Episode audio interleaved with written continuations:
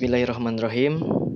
Baik kali ini tentang peer-to-peer lending ya. Atau bisa disebut dengan pinjam meminjam berbasis peer-to-peer. Yang instrumen ini tumbuh dengan cepat ya dan juga direspon dengan sangat baik oleh masyarakat Indonesia. Ada laporan OJK eh, otoritas yang mengawasi peer-to-peer menunjukkan bahwa nilai pertumbuhan bisnis peer-to-peer ini naik beberapa kali lipat dalam waktu hanya uh, eh, 2 tahun.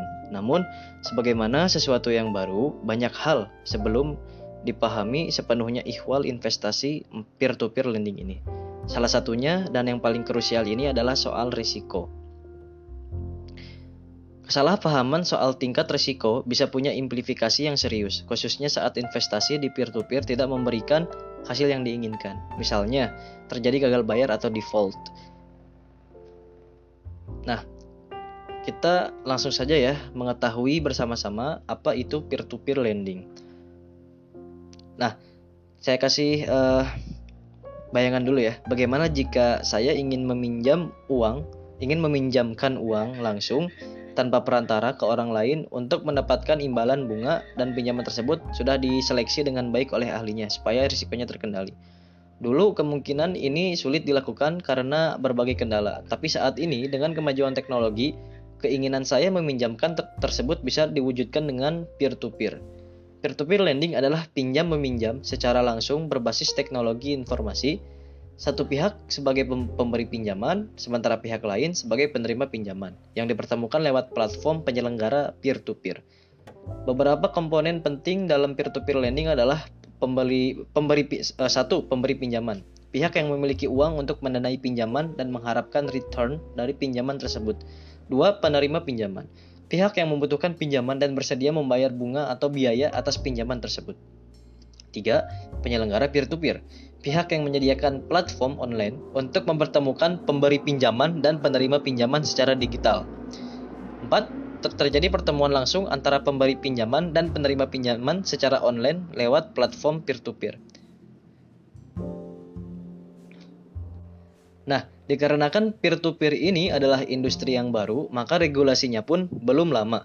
Baru pada akhir 2016 ini, OJK mengeluarkan peraturan POJK 77 yang mengatur soal industri peer-to-peer di Indonesia. Regulasi ini menetapkan peer-to-peer sebagai lembaga pinjam meminjam uang berbasis teknologi informasi.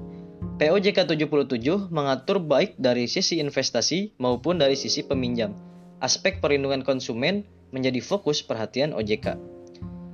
Eh, berikut definisi POJK 77 soal peer-to-peer lending tertulis Layanan pinjam meminjam uang berbasis teknologi informasi adalah penyelenggaraan layanan jasa keuangan untuk mempertemukan pemberi pinjaman dengan penerima pinjaman dalam rangka melakukan perjanjian pinjam meminjam dalam mata uang rupiah secara langsung melalui sistem elektronik dengan menggunakan jaringan internet.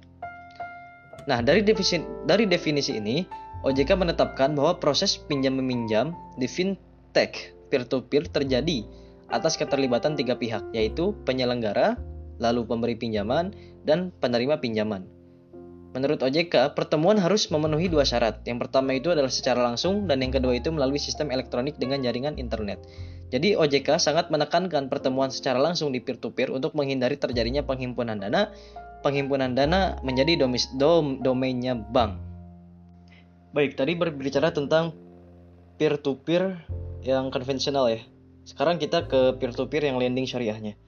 Jadi uh, peer-to-peer lending syariah ini dibanding dengan yang biasa adalah adanya kesesuaian dengan prinsip syariah yang penting bagi umat muslim.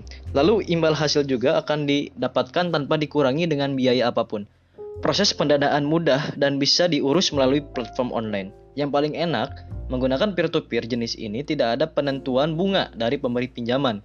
Semua ditentukan lewat akad yang sudah disepakati oleh pemberi maupun penerima pinjaman. Salah satunya adalah akad mudharabah.